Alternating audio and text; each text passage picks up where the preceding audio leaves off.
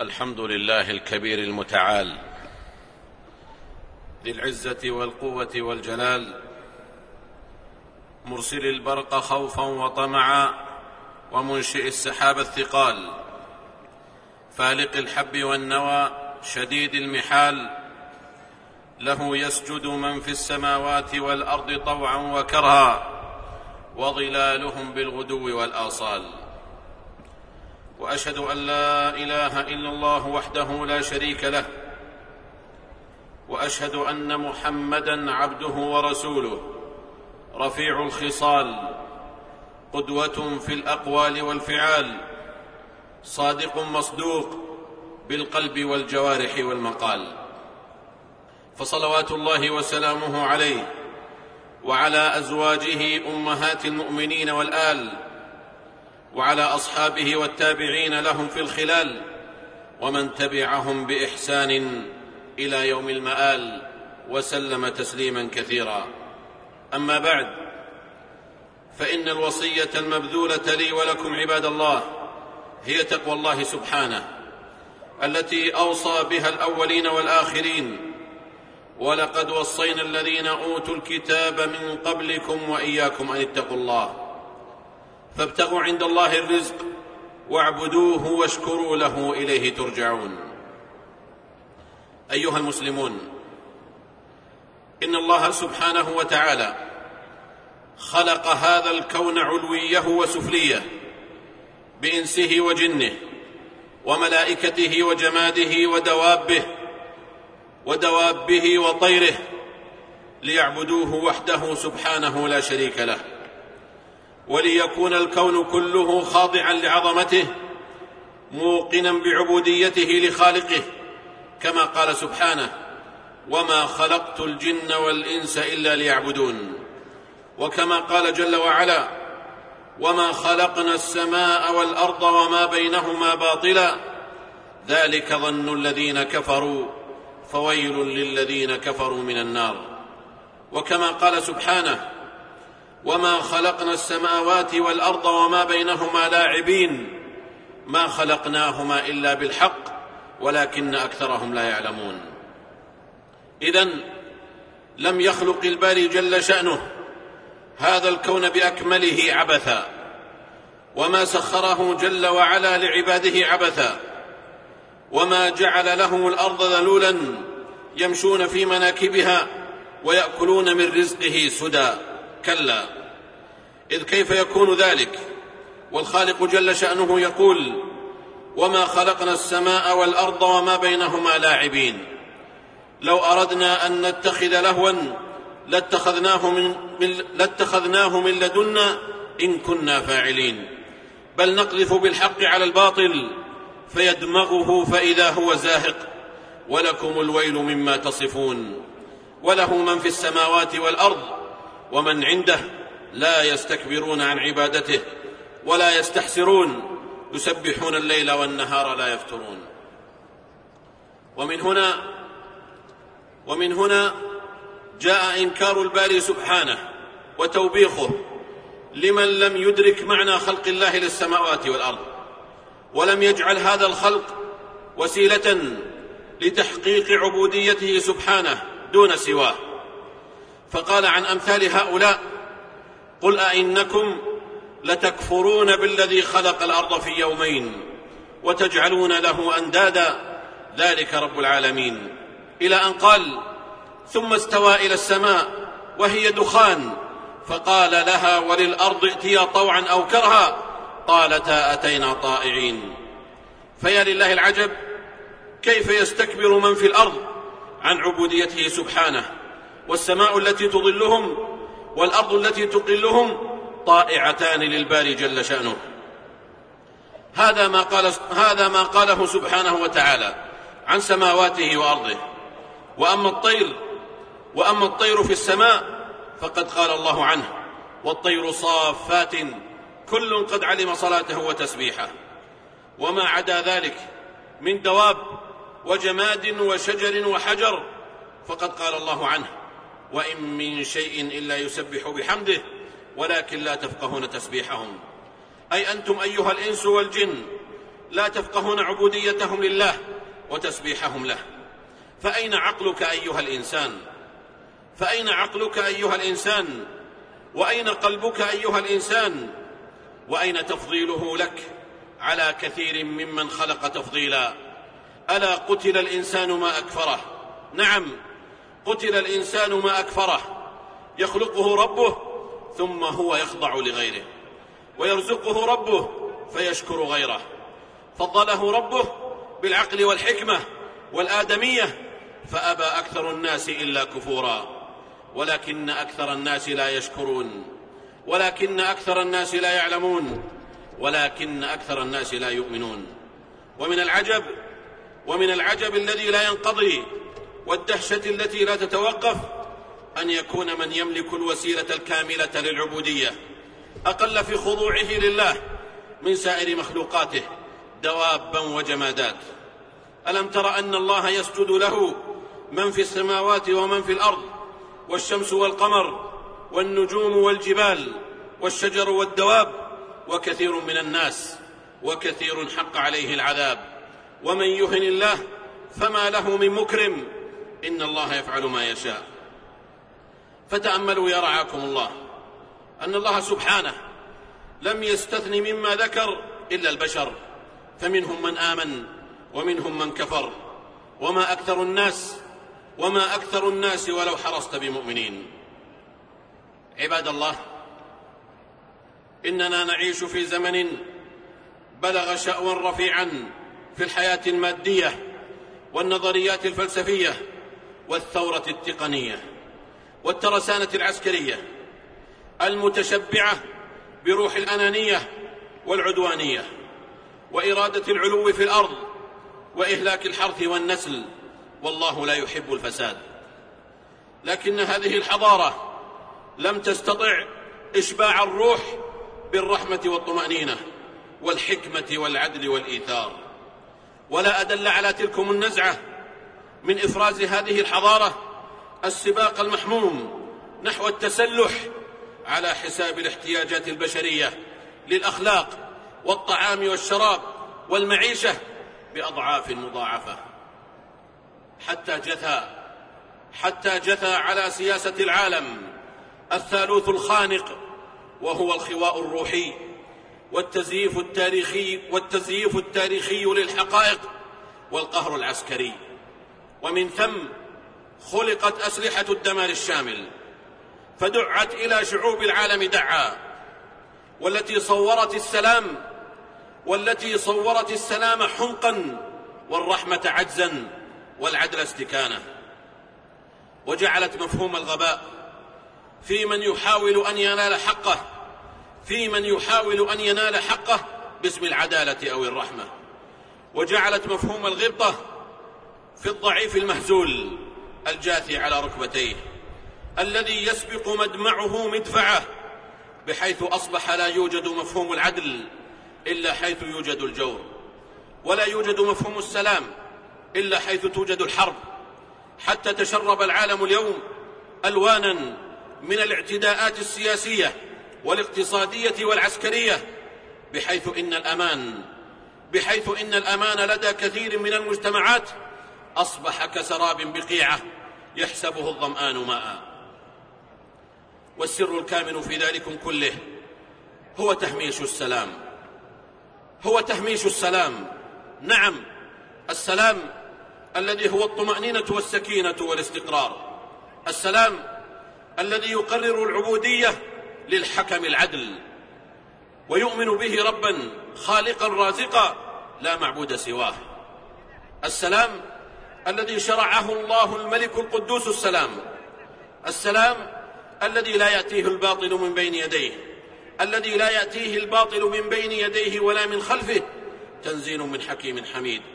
السلام السلام من رب السلام. السلام من رب البشر إلى البشر. ومن أحسن دينا ممن أسلم وجهه لله وهو محسن. واتبع ملة إبراهيم حنيفا. واتخذ الله إبراهيم خليلا.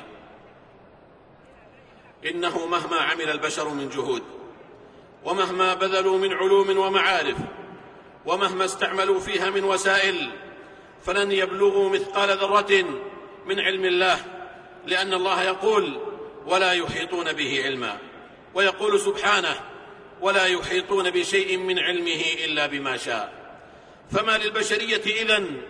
لا ترجو لله وقارا. وقد خلقهم أطوارا.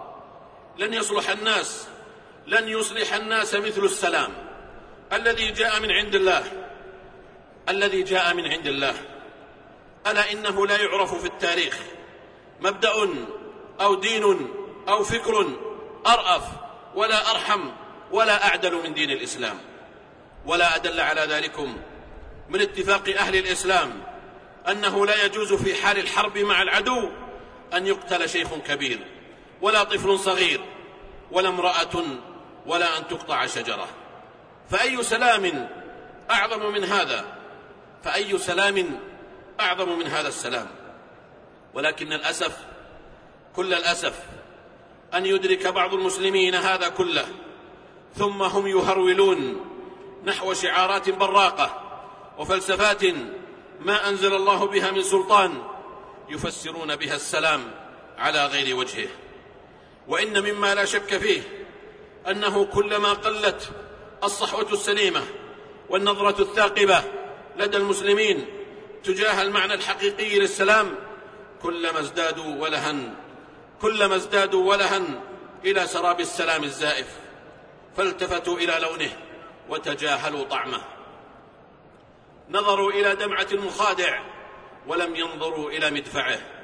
نظروا إلى دمعة المخادع ولم ينظروا إلى مدفعه. علموا أن الحية لا تبتسم وهي تلدغ وخف وخفي عليهم من يلدغ وهو يبتسم.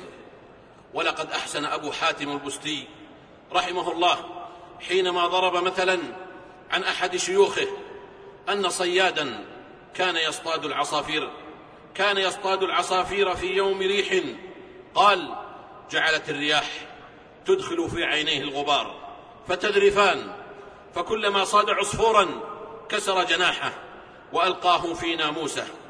فقال رجل لصاحبه ما أرقه عليهم؟ ما أرقه عليهم؟ ألا ترى دموع عينيه؟ قال الآخر لا تنظر إلى دموع عينيه ولكن انظر إلى عمل يديه. يا أيها الذين آمنوا ادخلوا في السلم كافة ولا تتبعوا خطوات الشيطان إنه لكم عدو مبين. فإن زللتم من بعد ما جاءتكم البينات فاعلموا أن الله عزيز حكيم. إنه لا بد لكل فرد أن يتحرر من الأنانية واللامسؤوليه وأن يقطع قيود واغلال السلبية واللامبالاه ليكون لبنة صالحة في بناء برج السلام الشامخ الذي ما خاب من بناه ولا ندم من اتخذه دارا لأن معرفة الله الحقة والإيمان بما جاء من عنده سبحانه هي السبيل الوحيد للفرز بين السلام الحق والسلام الزائف لأن السلام في الإسلام هو العدل والصدق والأمانة والرحمة وأما السلام بالمفهوم الزائف فإنه مبني على المصلحة الذاتية والقوة الكابحة. ومبدأ الهيمنة للأقوى أو على المبدأ الجاهلي الذي يجعل الظلم من شيم النفوس ومن يكن ذا عفة فلعلة لا يظلم. ولقد صدق الله جل وعلا في علاه إنهم إن يظهروا عليكم يرجموكم أو يعيدوكم في ملتهم ولن تفلحوا إذا أبدا. بارك الله لي ولكم في القرآن العظيم ونفعني وإياكم. بما فيه من الآيات والذكر الحكيم. قد قلت ما قلت إن صوابا فمن الله وإن خطأ فمن نفسي والشيطان. وأستغفر الله إنه كان غفارا.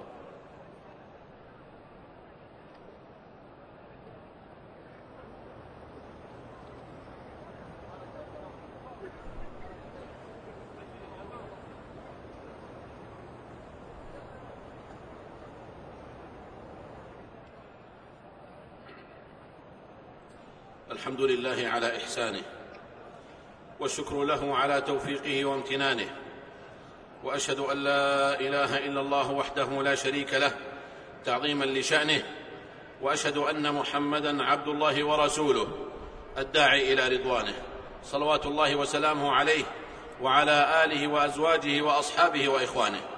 أما بعد فيا أيها الناس إننا حينما نتحدث عن السلام الذي هو الإسلام ونرى أنه هو المنقذ للبشرية من ظلمات التيه والانحراف العقدي والأخلاقي والفكري والعسكري. إننا حينما نتحدث عن ذلكم فإننا لا نعني أن السلام يقتضي الدونية أو الخنوع أو الاستكانة. كلا فإن أمة لم تركع إلا لخالقها لا يمكن أن تخضع لغيره البتة. وإن أمة لا تعرف إلا الله فلن يغلبها من لا يعرف الله. غير أن الإسلام هو السلام الحقيقي بكل ما تعنيه الكلمة من معنى. فالله جل وعلا هو السلام هو السلام المؤمن المهيمن العزيز الجبار المتكبر. وقد ورد ذكر السلام في القرآن متصرفا اربعا وأربعين مرة في حين إن لفظ الحرب لم يرد في الكتاب الحكيم إلا ست مرات. والمسلمون يقولون كل يوم وليلة لفظ السلام عشر مرات وذلك اقتداء بالنبي صلى الله عليه وسلم. إذا انصرف من صلاته حيث كان يقول أستغفر الله أستغفر الله أستغفر الله اللهم أنت السلام ومنك السلام تباركت ذا الجلال والإكرام. رواه مسلم. فالسلام دين الله في الأرض وتحية المسلمين فيها السلام. فقد قال صلوات الله وسلامه عليه أفشوا السلام بينكم رواه مسلم. وفي ميدان الحرب والقتال إذا بذل العدو كلمة السلام وجب الكف عنه واعتباره مسلما متمتعا بالسلام. عملا بقوله تعالى يا أيها الذين آمنوا إذا ضربتم في سبيل الله فتبينوا ولا تقولوا لمن ألقى إليكم السلام لست مؤمنا. تبتغون عرض الحياة الدنيا فعند الله مغانم كثيرة.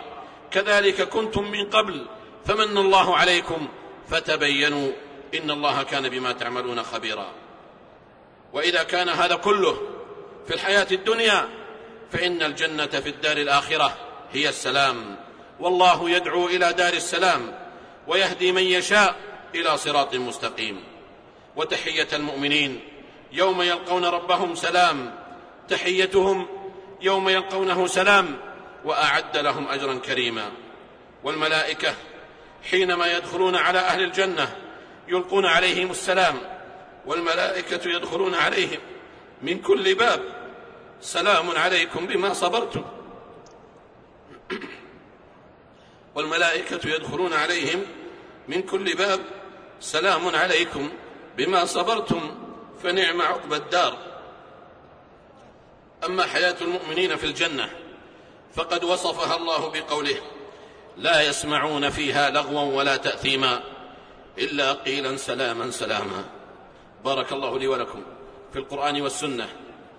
واعلموا رحمكم الله أن الله أمركم بأمر بدأ فيه بنفسه وثنى بملائكته المسبحة بقدسه وايه بكم أيها المؤمنون فقال جل وعلا يا أيها الذين آمنوا صلوا عليه وسلموا تسليما.